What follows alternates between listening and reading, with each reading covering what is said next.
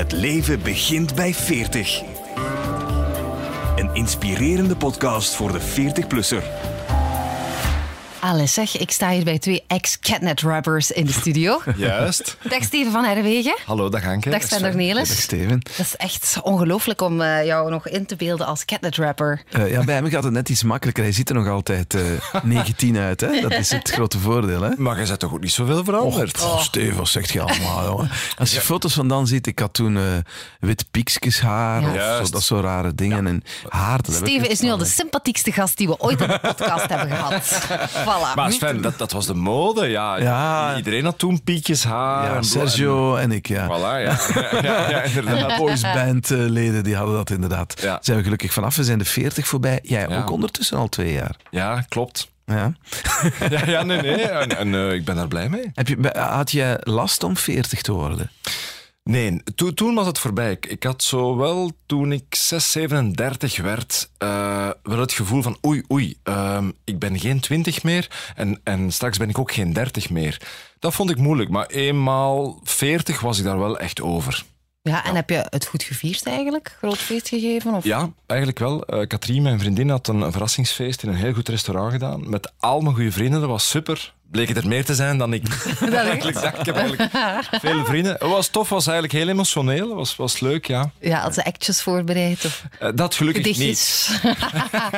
nee, we hebben gewoon goed gegeten en goed gedronken. Ben je van de verrassingsfeesten? Vind je dat uh, tof? Want ik zeg altijd nee, maar ik heb het ook al eens voor gehad. Ook op mijn veertigste. Ja. En ik vond dat dan uiteindelijk super plezant. Maar ja, dat is toch het kind in ons. Iedereen zegt van, mij moeten dat niet aandoen. Maar als het dan zover is, dan... Dat is zoals de Sint die morgens langs geweest is. Van, oh, voor mij? Nee, toch? Ja, ja. ja. Iedereen die nu aan het luisteren is, je mag dat ook voor mij organiseren. Hè. Ik heb nog nooit een verrassingsfeest gehad. Maar Echt? ik moet ook nog 40 worden. Hè. Ja, ja, ja, ja. Volgend jaar. Hè. Volgend jaar. Ben je al zo oud? Ja, oh, le- Ah, nee, oh, le- maar nu hou ik van jou. Daarvoor Ah, was je nog niet sympathiek, maar nu hou ik van jou. Zo zeg. Oh. Steven, eh, voor heel veel van onze gasten, want dat is wel het geval, hebben we toch gemerkt dat dat wel iets doet, die leeftijd. Je hebt zo'n periode van, eh, ja, van eh, vaak van kleine kindjes achter de rug. Dat is bij jou nog, ja, dat is ook aan het gebeuren bij jou. Ja.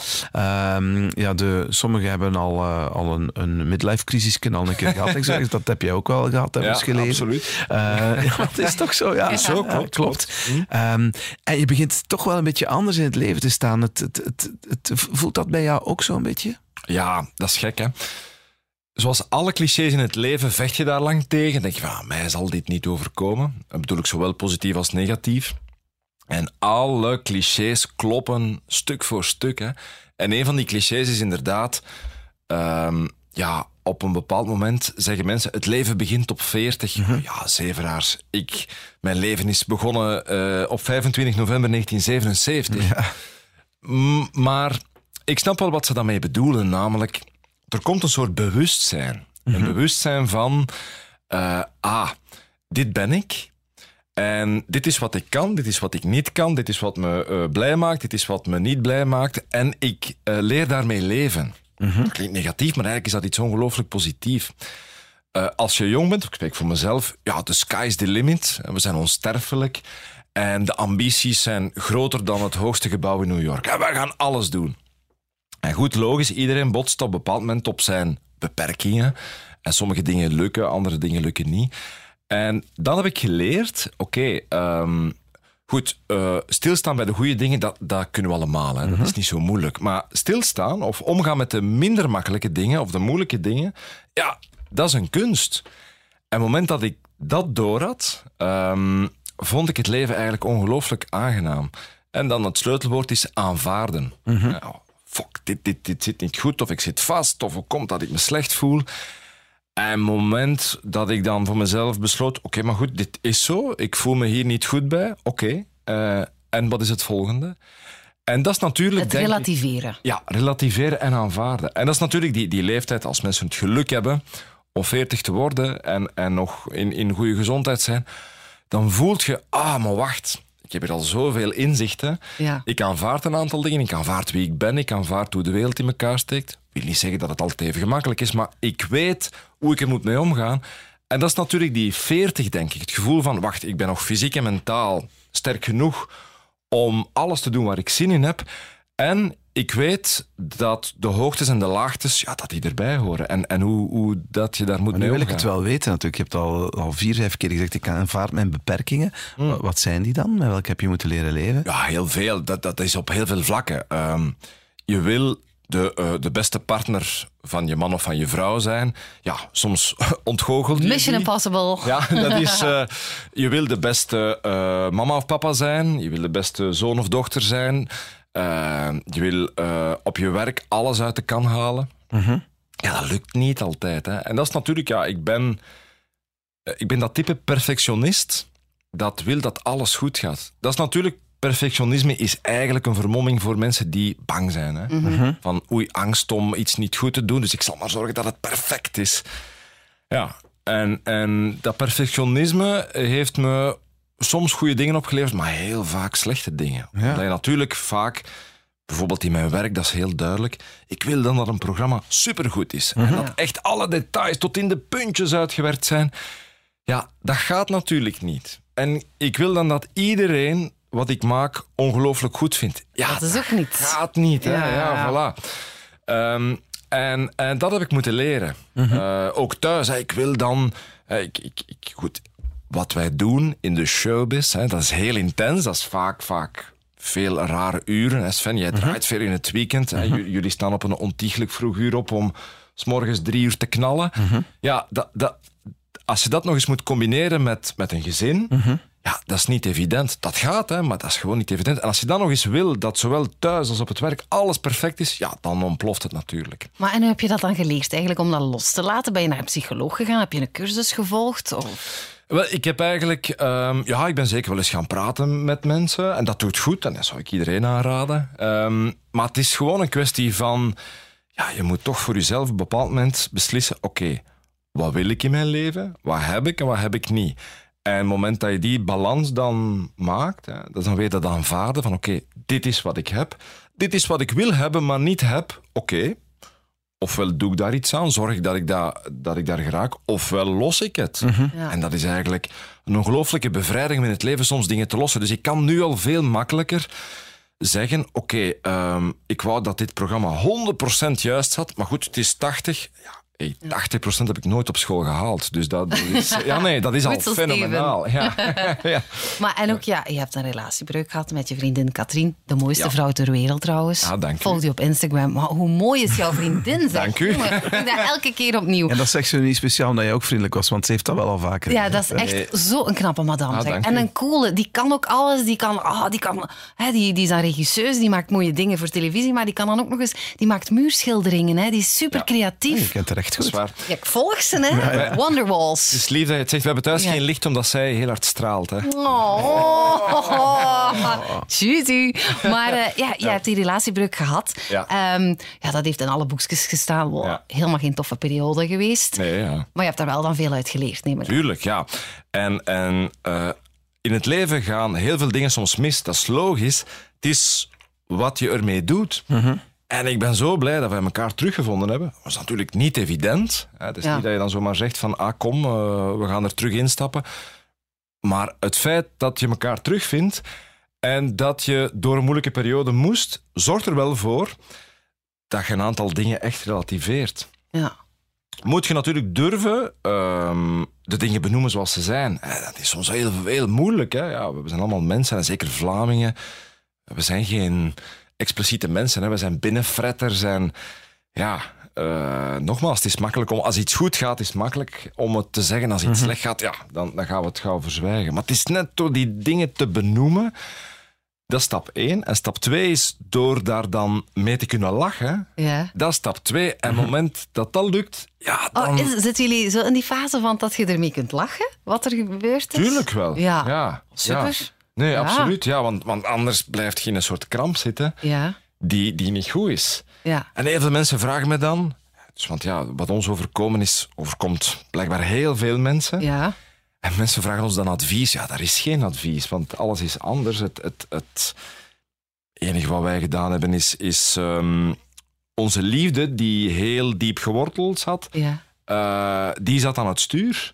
En die heeft ervoor gezorgd dat we op een bepaald moment elkaar wel teruggevonden hebben. Wauw. Maar die moet er wel zijn, want anders heeft het geen zin. Ja, want ik, ik, heb, ik ben ook een jaar uit elkaar geweest met mijn vriend. En eh, we zijn terug samengekomen. Mooi. Eh, ook een beetje hetzelfde als bij jou, maar... Eh, minder in de boekjes. Maar minder, Minder in het openbaar. Totaal, het was Ja. totaal niet interessant voor de boekjes. Ja. Maar eh, ja, we zitten wel nog niet in de fase dat... eh, vooral hij kan er niet meer lachen eigenlijk. Ja. Het is zo... eh, de- het gaat er niet meer over zo. Ja. En het was ook voor de kinderen, hè? Dus, dus, Ja, ja. dus alle chance. Maar eh, ik vind dat wel knap, want bij jullie waren er al twee kinderen eigenlijk. Hè? Ja. Dat je dat toch eigenlijk zo hebt kunnen parkeren en gewoon ja, verder doet. Maar dat is ook geen exacte wetenschap. Ja. Hè, de- de- de- het- dat kan goed komen of dat, dat komt niet goed. En ja, in ons geval is dat wel gelukt, maar voor hetzelfde geld ja, Ja. was dat niet gelukt. Dat is geen exacte wetenschap. Ja, de, Ik zie plotseling een gelijkenis met eh, je televisiecarrière. Want dat, Ja. daar ben je ook wel eens een keer eh, even op een ander geweest. En Ja. ook weer blij teruggekomen bij, Ja. de, bij, de, bij de VRT, waar, waar het ook allemaal eh, begonnen is. Vind je dat, voel je daar ook weer thuiskomen? Is dat ook een diepgewortelde liefde? Of is dat dan toch wel een beetje weer iets anders? En is, dat meer, is werk iets anders? Nou, ehm, er zijn zeker raakvlakken. Het is zoals je zegt, hè, we zijn samengestart bij Ketnet. Dus dat is, allee, mijn televisiewieg staat aan de rijerslaan. En ik ben daar jaren opgegroeid. Ik ben ook als, als kind opgegroeid. Dat was alleen maar BRT toen nog. Dus ja, de, die terugkeer naar vier voelde wel heel logisch aan. was echt terugkeer naar huis. Dus dat was... In het begin was ik er ook wel onzeker over. Ja, komt dan terug in dat gebouw en, en die mensen. En, en ja, je vraagt je... Zie hem daar, je verrader. Weg geweest met geld. En nu komt hij terug naar hier. Nee, maar, maar kijk, ik ben, ben, ben weggegaan omdat Woestijn is het bedrijf waar ik voor werkte. Ja, die hadden die zender gekocht, dus ik ging mee samen met zoveel andere mensen. En dat was een romantische droom. En in je leven moet je tot de laatste minuut romantische dromen hebben, hoe ze naïef ze ook zijn. Maar je moet ze hebben. Dus dat was een moment van, hé hey jongens, wij gaan dat doen. En goed, een aantal inschattingsfouten gemaakt. Ehm, ja, het is niet omdat je goede programma's maakt dat je ook een goede zender kunt eh, leiden. Dus dat, was dat waren een aantal moeilijke maanden, jaren. En op een bepaald moment heb ik voor mezelf beslist van ja, kijk, ik vind mijn draai hier niet. Ik moet iets anders doen. Geen idee wat. En ik heb toen echt veel tijd genomen. En, en dat is nodig in het leven soms even op stop drukken en zoeken naar oké, wat zegt mijn buik? Waar droomt mijn hart van? En toen wist ik wel van oké, ja, het soort programma's dat ik graag maak vandaag, dat klopt vandaag heel hard bij VRT. En voilà, zo hebben we elkaar wel teruggevonden. En dat was eigenlijk wel heel warm toen ik daar terugkwam. Dat was leuk. Wat ik altijd bijzonder vind, ik, eh, het periode van Ketnet, ja, dan was jij, kom, we gaan nu toch een cliché erin smijten, de spring in het veld, de zot, die alles durfde. Ja, het is wel zo. Ja, ja. En nu maak jij zo heerlijke nostalgische televisie. Ja. Dat is ook wel een, serieuze switch geweest. Hoe komt dat? Goh ja, dat is organisch gegroeid, denk ik. Ik denk dat de... ehm, ja, ik ben altijd... Mijn, mijn DNA is, ik ben een onnozelaar. Dat wil zeggen, ik had dat in de klas ook al. eh, als het te ernstig wordt, ja, dan, dan, dan ga ik in een soort ehm, alarmmodus. Oh, hier is te ernstig. Hier is Dat is, dat is voor binnen vijf minuten. ik, ik moet dit compenseren. Ja. Met alle gevolgen van dien. Hè. In, in de les ehm, heel vaak de grens opgezocht van oké, hoe kunnen we hier lachen tot wanneer het... Ga maar naar meneer directeur en, en schrijf Ja. dan maar vier bladzijden studie, eh, strafstudie. En ik met bijvoorbeeld bij mijn oudste zoon Lenny exact hetzelfde. dus die ging vorig jaar aan het eerste leerjaar. En dus de eerste weken in zijn eh, agenda stond altijd van Lenny, ja, ehm, zet de boel toch vaak op stelte. En- Papa heel trots, yes. Eigenlijk wel, dat is natuurlijk een dubbel gevoel. Omdat ja, je voelt wel, ah, oké, ja, het bloed stroomt. eh, Ja. maar maar, maar ehm, en goed, na, na een paar weken leerde die juf hem ook wel kennen en voelde ze van, oké, dat is zijn DNA, dat is hoe hij is. En dat is ook hoe ik ben. Dus ik ben bij Ketnet begonnen met, met dat gevoel, twintig jaar van, ja, een beetje de... de rock and roll-achtige, kom, we gaan een beetje anders doen dan de rest. Beetje absurd soms. Ja, ja. Ehm, en goed, ik groei op en, en natuurlijk die, die liefde voor tv, waar ik als kind mee opgegroeid ben, die magie van, van wauw, op wat doen die mensen allemaal op televisie? Eh, dat heeft mij altijd aangesproken. En vandaag nog altijd. Dus, dus dat is ook de reden waarom ik programma's zoals De Jaren Stilletjes of Van Algemeen Nut graag maak. Dat vertrekt van die, enerzijds verwondering van wow, wat heeft tv ons toch allemaal gebracht? En anderzijds die verbindende factor. Als kind zat ik met mijn ouders voor tv. We keken samen naar Sesamstraat. En mijn ouders lachten daarmee en ik ook. Dat verbindt enorm. Ik kijk met mijn kinderen ook graag. Wat kijk je nu dan met je kinderen? Ja. Ja, dat gaat van. van ehm, eh, soms dring ik en een aantal dingen op van vroeger, zoals de Muppets. Ehm, maar we kijken samen ja, naar Pokémon. eh, we kijken natuurlijk veel Catnet, Karuit en zo. Ja. Veel tekenfilms. Ik vind dat heel leuk. Ik vind dat heel tof, dat verbindt. En, en het is die connectie van we zitten samen voor het scherm. gebeurt alsmaar minder. Hè. Iedereen heeft thuis zijn eigen schermen. Ehm, maar daar hecht ik veel belang aan. Dus daarom maak ik ook graag programma's over de warmte van televisie. Ja. Ben je de, de laatste generatie die dat soort tv gaat maken, omdat tv er niet meer zal zijn? Op deze manier, binnen misschien wel veel kortere tijd dan we, dan we gedacht hadden. Goeie vraag. Hè? Het is moeilijk om te zien waar het naartoe gaat. Maar Ik ben ervan overtuigd, entertainment zal altijd blijven bestaan. Het is gewoon de manier waarop we naar dingen kijken. Vroeger moest je, hè, mensen die in de jaren tachtig opgroeiden, je moest om zes uur voor tv zitten, want TikTok begon. Vandaag vraag je TikTok op wanneer je zin hebt. Dus de, de, de manier van kijken is veranderd, maar de, de drang, de behoefte om te geëntertained te worden op het einde van de werkdag is toch nog altijd groot. En er is meer dan ooit aanbod. En ik denk, ehm, klopt wat je zegt, de manier waarop we tv kijken verandert. En dan vind ik hem wat ik hoop dat zal blijven bestaan, is het feit dat je met als koppel, als gezin, met vrienden samen naar iets kijkt. En dat gebeurt nog altijd. Als de Rode Duivels spelen, kijkt iedereen samen. Ehm, het seizoensfinale van een soap kijkt iedereen samen. Als er een, een groot evenementieel programma is, zoals The Voice of De Slimste Mens, wil iedereen dat gezien hebben om de dag nadien op de trein of aan het koffiemachine te kunnen babbelen.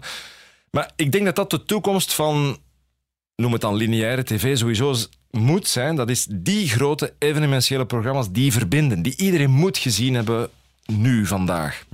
Ja, en ben je thuis ook zo'n verbindende mens? Ben je zo'n ge- ge- gezellige? Allee, Ik bedoel, eh, wat, wat voor een ja. Hm. papa ben jij? Want jij eh, bent altijd in voor een mopje. Ben jij thuis een beetje streng soms? Of, eh, Ehm, ja, dat? dat vind ik dus een moeilijk evenwicht. Hè. Ik denk dat dat voor elke ouder zo is.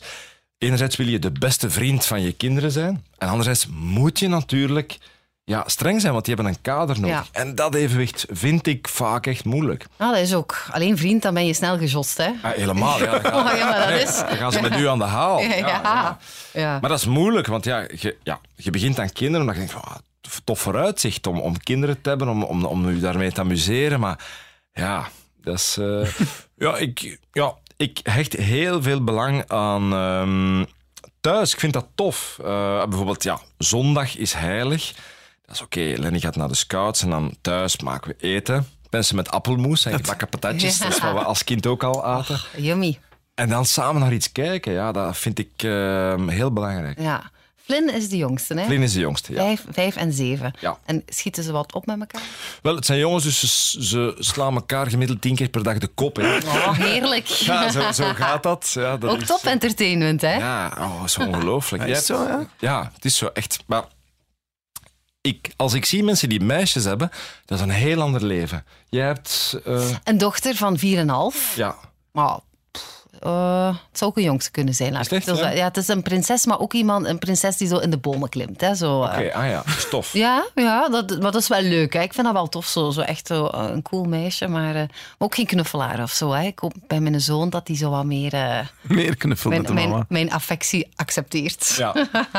Goed, ja, dat, ik denk, dus twee jongens, dat is, je moet dat eigenlijk zien. Ja, jongens zijn jongens, daarmee bedoel die, die, zijn, die baken hun territorium af. Dus eh, Lenny, mijn oudste zoon, die kan schrijven eh, en die schrijft dan... Die zijn deur van zijn kamer kleeft vol met post-its. Blijf weg. Ja, Dus blijf met korte ei. Oh, En iedereen welkom, behalve mijn broer. oh Dat- nee, zo, zo dat. hè. Ja, ja, ja, ja, dus, ja. dus ja, Dat zit wel goed. eh, Ja, ja. Gezelligheid troef Ja. daar. Ja, Ja. ja, ja. Ja, en ben je een ongeruste vader eigenlijk? Ja, dat is ongelooflijk. Op het moment dat je kinderen krijgt, word je ineens heel bang. Hè? Ja, je hebt, ja, maar je hebt bang en bang, hè? Allee, ja. Ja, wel, ik ben niet ongerust in de zin van als ze in de tuin lopen. Hoe, pas op, want dat valt mee. Het is gewoon eigenlijk echt op.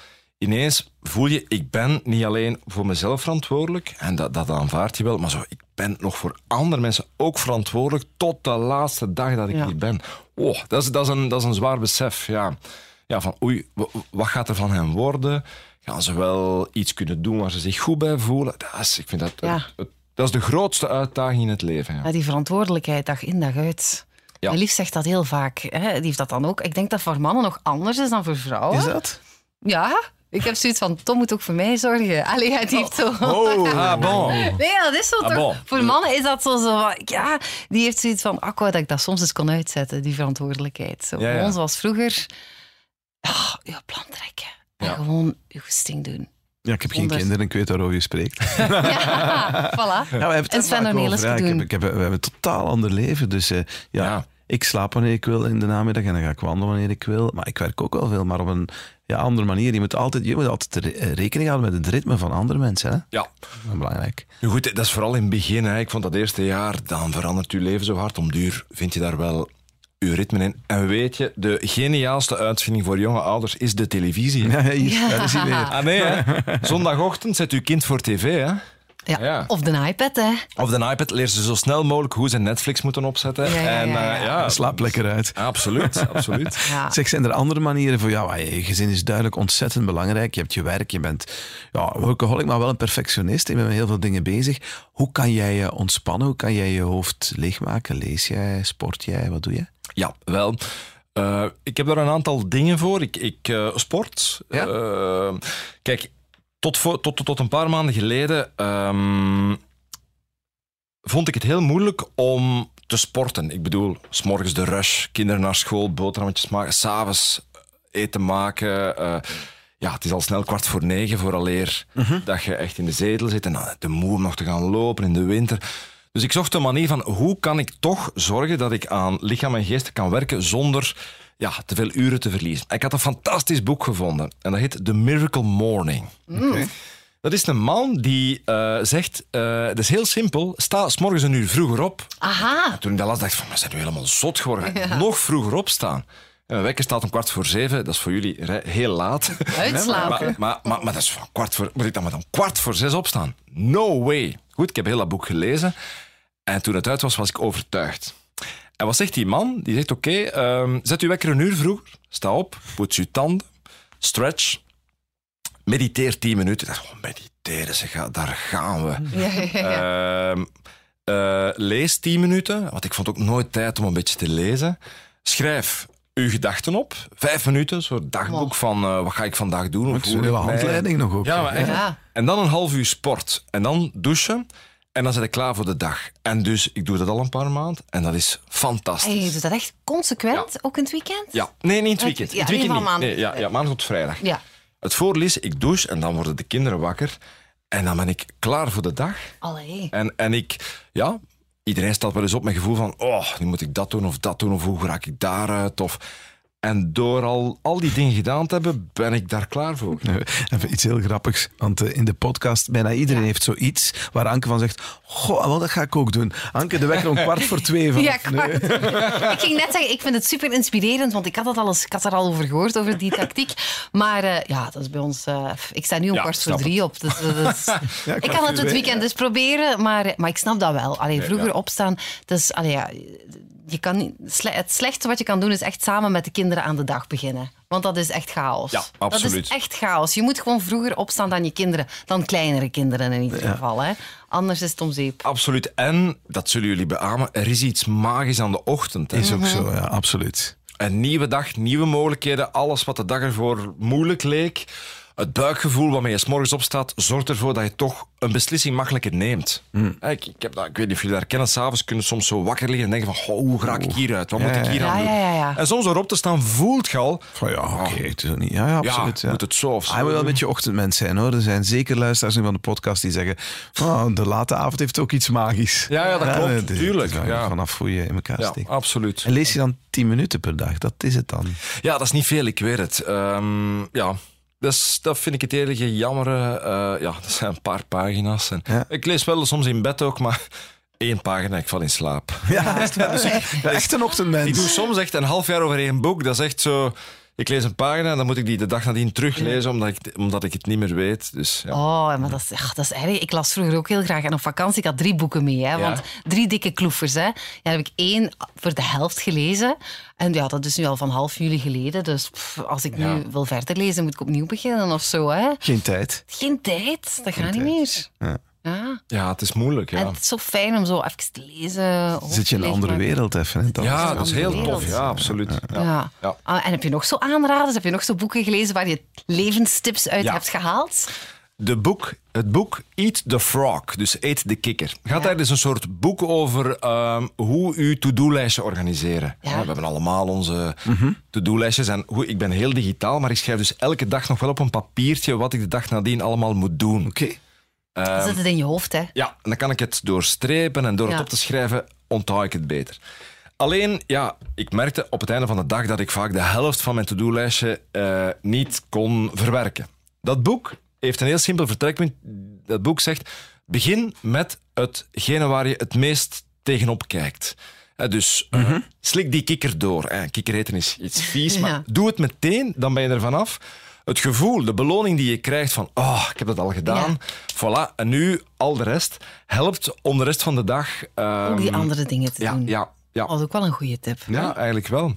En dat doe je ook consequent. Je leest dat dan en je denkt van... Want ik ben ook zo... wel eens een ik, kikker ik, lees dat dan en dan doe ik dat twee dagen en dan... eh woppa. Ja, zeker. Dat is natuurlijk het plezier van iets te lezen en te denken, ja, dat ga ik doen. En daarna? En het ook in de praktijk omzetten. Het lukt af en toe. Eh, dus ik schrijf altijd wel eh, zo, eh, mijn top drie van moet ik morgen zeker gedaan hebben. Want het boek zegt ook, eh, ja, je kan niet alles van je to-do-lijstje doen, dus dat zorgt ook wel voor rust. Maar ik probeer altijd wel te beginnen met hetgene ik het Met de minst... eh, maar vandaag klopt het niet, want vandaag was ik, begon ik mijn dag bij jullie te gast te zijn, dus het klopt al niet. Helemaal naar de zak. Ja. Zeg je, je, je, ja, je, bent ook op, op, op welke leeftijd ben je begonnen, begonnen op televisie? Je was 19 of zo? 19, ja. 19, hè? Ja, ja. ondertussen 42, dus Ja. dat is al een carrière, nietwaar? Eh nee, veel dames die hier langskomen, die eh 40 zijn geworden, met name actrices en zo, eh, die, die zeggen, oh, daar is wel iets veranderd. Ik werd plotseling voor veel minder gevraagd. Ook op televisie dat met nieuwsankers, met presentatrices gebeuren. Dan moet je wel ergens in deze leeftijd ook wel met een plan B bezig zijn. Is dat je theatertournee of, of ben je nog met andere B-plannen ook bezig? Wel, die, die theatertournee is vertrokken vanuit een, een kinderlijke droom. als, als kind was, wou ik vooral entertainer worden. Ik keek graag op tv naar de Muppet Show, entertainmentprogramma, naar André van Duin. Dus mensen beroeren, doen lachen, ontroeren. Oh, dat heeft mij altijd ongelooflijk aangesproken. En natuurlijk is tv daar een, een, ja, een van de meest magische eh, eh, media voor.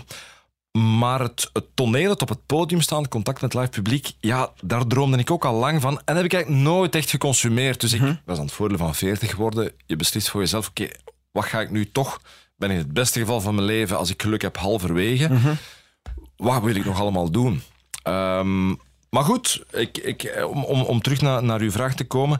Ja, wij werken in een sector waar het snel gaat. hè. De, vandaag kan je ehm, on top of things zitten en morgen kan het voorbij zijn. Ik heb het geluk inderdaad en, en nooit bij stilgestaan om op mijn 19 te beginnen. Ik ben nu 42 en kijk, ik, ik mag hier nog altijd praten over mezelf. En ik hoop dat nog zo lang mogelijk te doen. Alleen ja, de, de, de tijden veranderen en, en ik vind het ook belangrijk om niet... eh, ja, ik wil zoals een boer, eh, hoe zeg je dat, het drieslagstelsel. Het ene jaar kweek ik patatten op het veld Ja, en dan ja, het volgend ja. jaar te wortelen, want ander- Ja. anders wordt de grond te... te- Slim? Ja, ja, dus, dus eh, eh, voor, voor het publiek en ik beu zijn wat ik doe. Dus ehm, ja, en, en tv evolueert. Het is ook boeiend. Hè? Heel veel mensen stellen zich vragen bij waar gaat het naartoe. En ja, dat is het leven. Hè? Wij hebben ook het geluk gehad al de afgelopen decennia om in een sector te zitten die, die goed draaide. En nu ineens ja, wordt het niet evident. Ik denk niet dat er iemand is die naar deze podcast, podcast luistert die niet bij hem of haar op de werkvloer geconfronteerd wordt met de digitalisering. In elke sector voilà, zijn er mensen die, die moeten gaan omdat, omdat dingen gedigitaliseerd worden. Ja, dat is bij ons nu ook heel hard aan het gebeuren.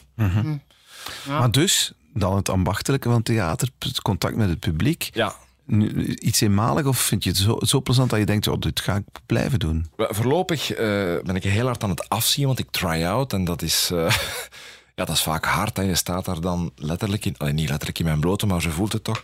Maar ik hoop dit wel heel lang te kunnen doen. Ik zie het wel als iets wat ik naast televisie lang wil blijven doen. Ja, ik, het voelt wel aan als iets wat logisch is voor mij en ik hoop voor het publiek ook. Maar nu breng je een beetje, allee, ik heb het niet gezien, hè, maar als ik het zo hoor, een beetje televisie naar het theater. Ja. Dat, eh, Ja. Maar ja, je zou ook wel eens een keer stand-up comedian kunnen worden. Wel, daar heb ik over nagedacht. En ook daar moet je weten waar je goed in bent en niet goed in bent. Ik ben geen stand-up comedian. Met, een comedian is iemand die opkomt en die, ik ga het nu heel technisch zeggen, om de vier minuten iets heel grappigs moet zeggen, waardoor het publiek... Vier seconden misschien. Wel ja, ja, inderdaad. En als dat niet gebeurt, kijkt het publiek raar van, "Huh, wat is er aan de hand? En ik doe mensen heel graag lachen, maar ik beschouw dat niet als mijn core business. Oké. Ik vertel graag verhalen, Ja. waardoor een verhaal met een grappige wending, met een verrassende wending, een ontroerende wending. ehm, maar als ik mij als comedian in de markt zou zetten, ja, dan, dan moet ik toch een ander type voorstelling maken. En omdat het mijn eerste stap is op de bühne, Op de op de planken, dat, dat woord heb ik al lang niet meer de gehoord. De bühne. bühne. Ehm, is dat voor het publiek ook een stap? Ik moet de mensen, het Ja, is ja. niet omdat de mensen mij kennen van tv, dat ze zomaar de stap zetten naar, naar de zalen. Ehm, dus ik wil ook wat dat betreft de mensen niet te veel chockeren door met iets te komen waar de mensen zich afvragen, wat doet hij nu? Dus het feit dat ik het verhaal vertel van de uitvinder van televisie en fragmenten laat zien wat tv met ons gedaan heeft, is wel een logische stap. Ja. Dus ik, ik, stapje per stapje probeer ik mezelf en het publiek in die zaal te krijgen.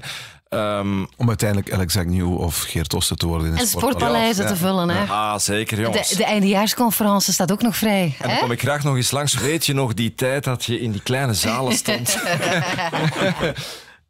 Heb je andere dingen waar je, waar je, waar je graag zo... Wat, wat kan, want je hebt het al gehad over je beperking. Wat kan Stefan Herwegen nog? Waar hij eh ja, Ja. zo een boterham mee kan Zoals eh? Sven Ornelis die kookt bijvoorbeeld. Ja, ja, eh, hij heeft een aangename blog. Nee, maar wat, kan je, wat, wat, wat zou je nog kunnen en willen doen? Ehm, goh, ik probeer, dat is natuurlijk ook door ouder te worden, ehm, ik probeer ook in mijn lokale omgeving een beetje impact te hebben. Ik woon in Aalst, ik ben daar geboren en getogen. Politiek. Maar politiek, ja, dat is zo'n vies woord tegenwoordig. Hè. Ik, weet, ik denk niet dat ik ooit eh, de politiek zou instappen. Partijpolitiek. Nee. Eh, de politiek doet zijn werk en, en goed, ja, die mensen wordt vaak opgeschoten. Maar goed, ja, mensen werken wel hard om. eh, we hebben ook wel een goed leven dankzij eh, de politiek. Ik geloof heel hard in een samenleving, lokaal dan. Op, op, op federaal niveau heb ik daar geen verstand van, maar lokaal wel, omdat ik, ja, we leven allemaal in onze omgeving. Ik ben ervan overtuigd dat we allemaal als inwoner wel mee het verschil kunnen maken. En daar is volgens mij wel de toekomst dat naast de lokale politiek de burger ook van alles kan gaan doen. Ja. Ehm, Want jij zit in zo'n burgerbeweging. ja, ja, dat klinkt zo zwaar, maar, maar maar wat is dat dan? Wat doen jullie? wel, die heet Overmorgen. En eigenlijk zijn er een aantal mensen die in Aalst wonen, die kinderen hebben. En die zeggen van, kijk, wij willen mee, samen met naast de politiek van Aalst iets maken. Oké.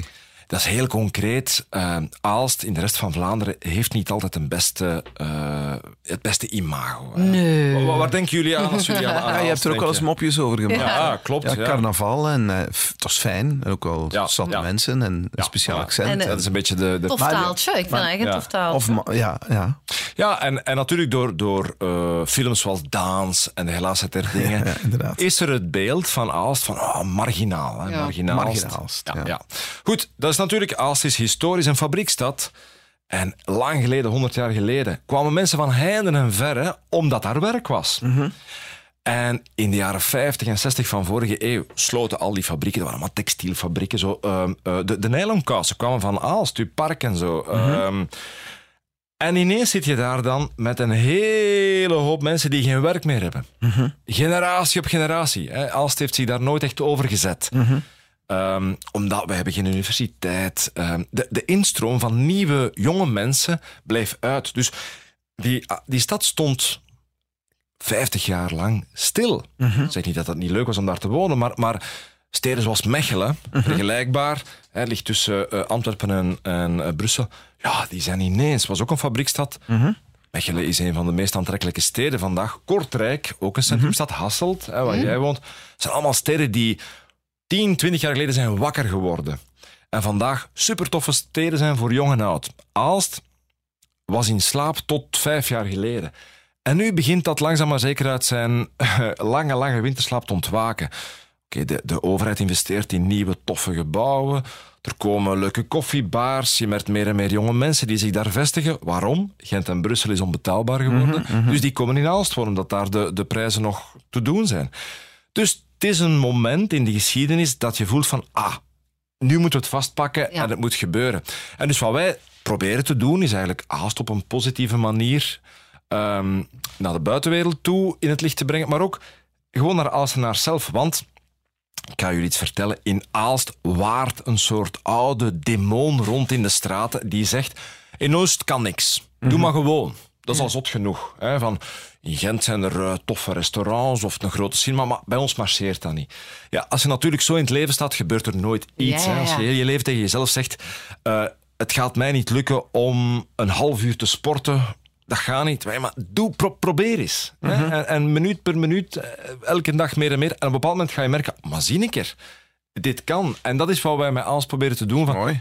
Ja, wakker schudden van, hé, hey, Ja. hier is vruchtbare grond, doe er iets mee. ja, maar ja, jij bent een mooi uithangbord. Lin van Rooyen, Ja, ook Ja, van Aalst. absoluut. En ik merk gewoon, ay, vroeger dat ik inderdaad zo vijf jaar geleden dacht je nog van, wow, carnaval, Aalst, blah. Maar nu, ay, ik, ik heb dat taaltje altijd tof gevonden. En je merkt ook op social media dat Aalst echt wel cool aan het worden is. Ja, er gebeurt wel wat, Ja. absoluut. Ja. Ja. Het is ook een leuke stad om ondertussen. En heel leuke koffiebars, leuke restaurants. eh, ja, ik ben er fier op. Goed bezig. De Aalsterse Demon is hier. Oh, Maya, wat is dit zeg? Het is oké. Was het chauffage of zo? Maar Ik zeg like een pauze komt heel raar. Ja. En we beginnen opnieuw. Ja. Wat mij eigenlijk opvalt in alles wat jij zo aan het vertellen bent, gaat het nu over televisie, gaat het over je gezin, gaat het over Aalst. Verbinden is een woord dat altijd maar terugkomt. Ja. Jij gaat nog een CD&V'er worden. ja. Die groene trui, mm, mm, mm. Ah, oh, ja. Ja, nee, maar serieus, het is, het is wel iets voor jou, hè? Kijk, ehm, zonder daar eh wollig in te willen zijn, we leven al sinds de jaren 70 in het ik-tijd. Dat is ook tof, hè? De, vroeger de mensen werden gezien als een massa. Hè? Eh, Gewoon ook, ook de jeugd, dat is ook maar jongerencultuur, dat is ook maar iets sinds de jaren 60 of zo. Hè? Vroeger was de jeugd gewoon jonge mensen in het kostuum van een oude P. Hè? Dat was zo. En goed, onze ouders, grootouders hebben, hebben, hebben daarvoor gevochten dat wij allemaal onszelf kunnen zijn. Dat is fantastisch. Alleen ontstaat er iets nieuws, namelijk door zo hard op onszelf gefocust te zijn, verliezen we eh, de gemeenschap uit het oog. En dat is wat wij al, al sinds het ontstaan van de mens doen. Wij zijn kudde mensen. Wij hebben dat nodig om in een groep op te groeien of, of te leven. We- En, en nu zitten wij allemaal in appartementen met onze iPhone. Allee, wij thuis ook. Iedereen zit in de zetel naast elkaar en zit op de iPhone. Soms op restaurants is dat hallucinant. En je ziet dat mensen heel de avond naar elkaar aan tafel zitten en die zijn alleen maar op hun iPhone bezig. Dat is eigenlijk crazy. Omdat, ja, een mens heeft toch nood aan, aan verbinding. Verbinding kun je op miljarden manieren invullen. En dat kan gaan van samen naar de kerk gaan of samen naar de parenclub gaan. Allee, Er zijn heel veel uitersten om te verbinden. elk de twee, is- Ja. Of de Of de twee. twee, hè. Zo zullen er ook wel zijn. lange dag. hè. Dus jongens, een schietgebedje bij beide.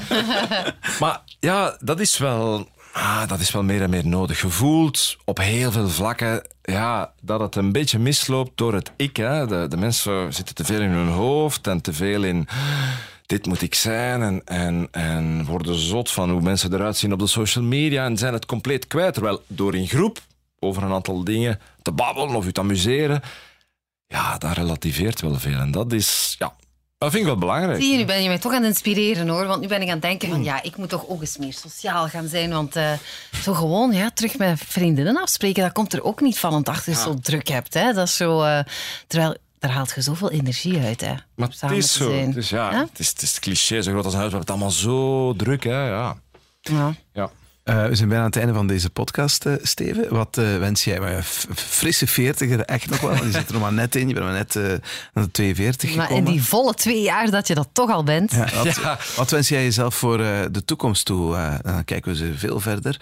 Eh, wat voor een ouder, ou- ouder iets ouder eh manneke moet Steven van Herwegen worden? Ik hoop dat ik gezond blijf. Dat vind ik het allerbelangrijkste. Dat ik, wa- waardoor ik kan blijven doen wat ik graag doe.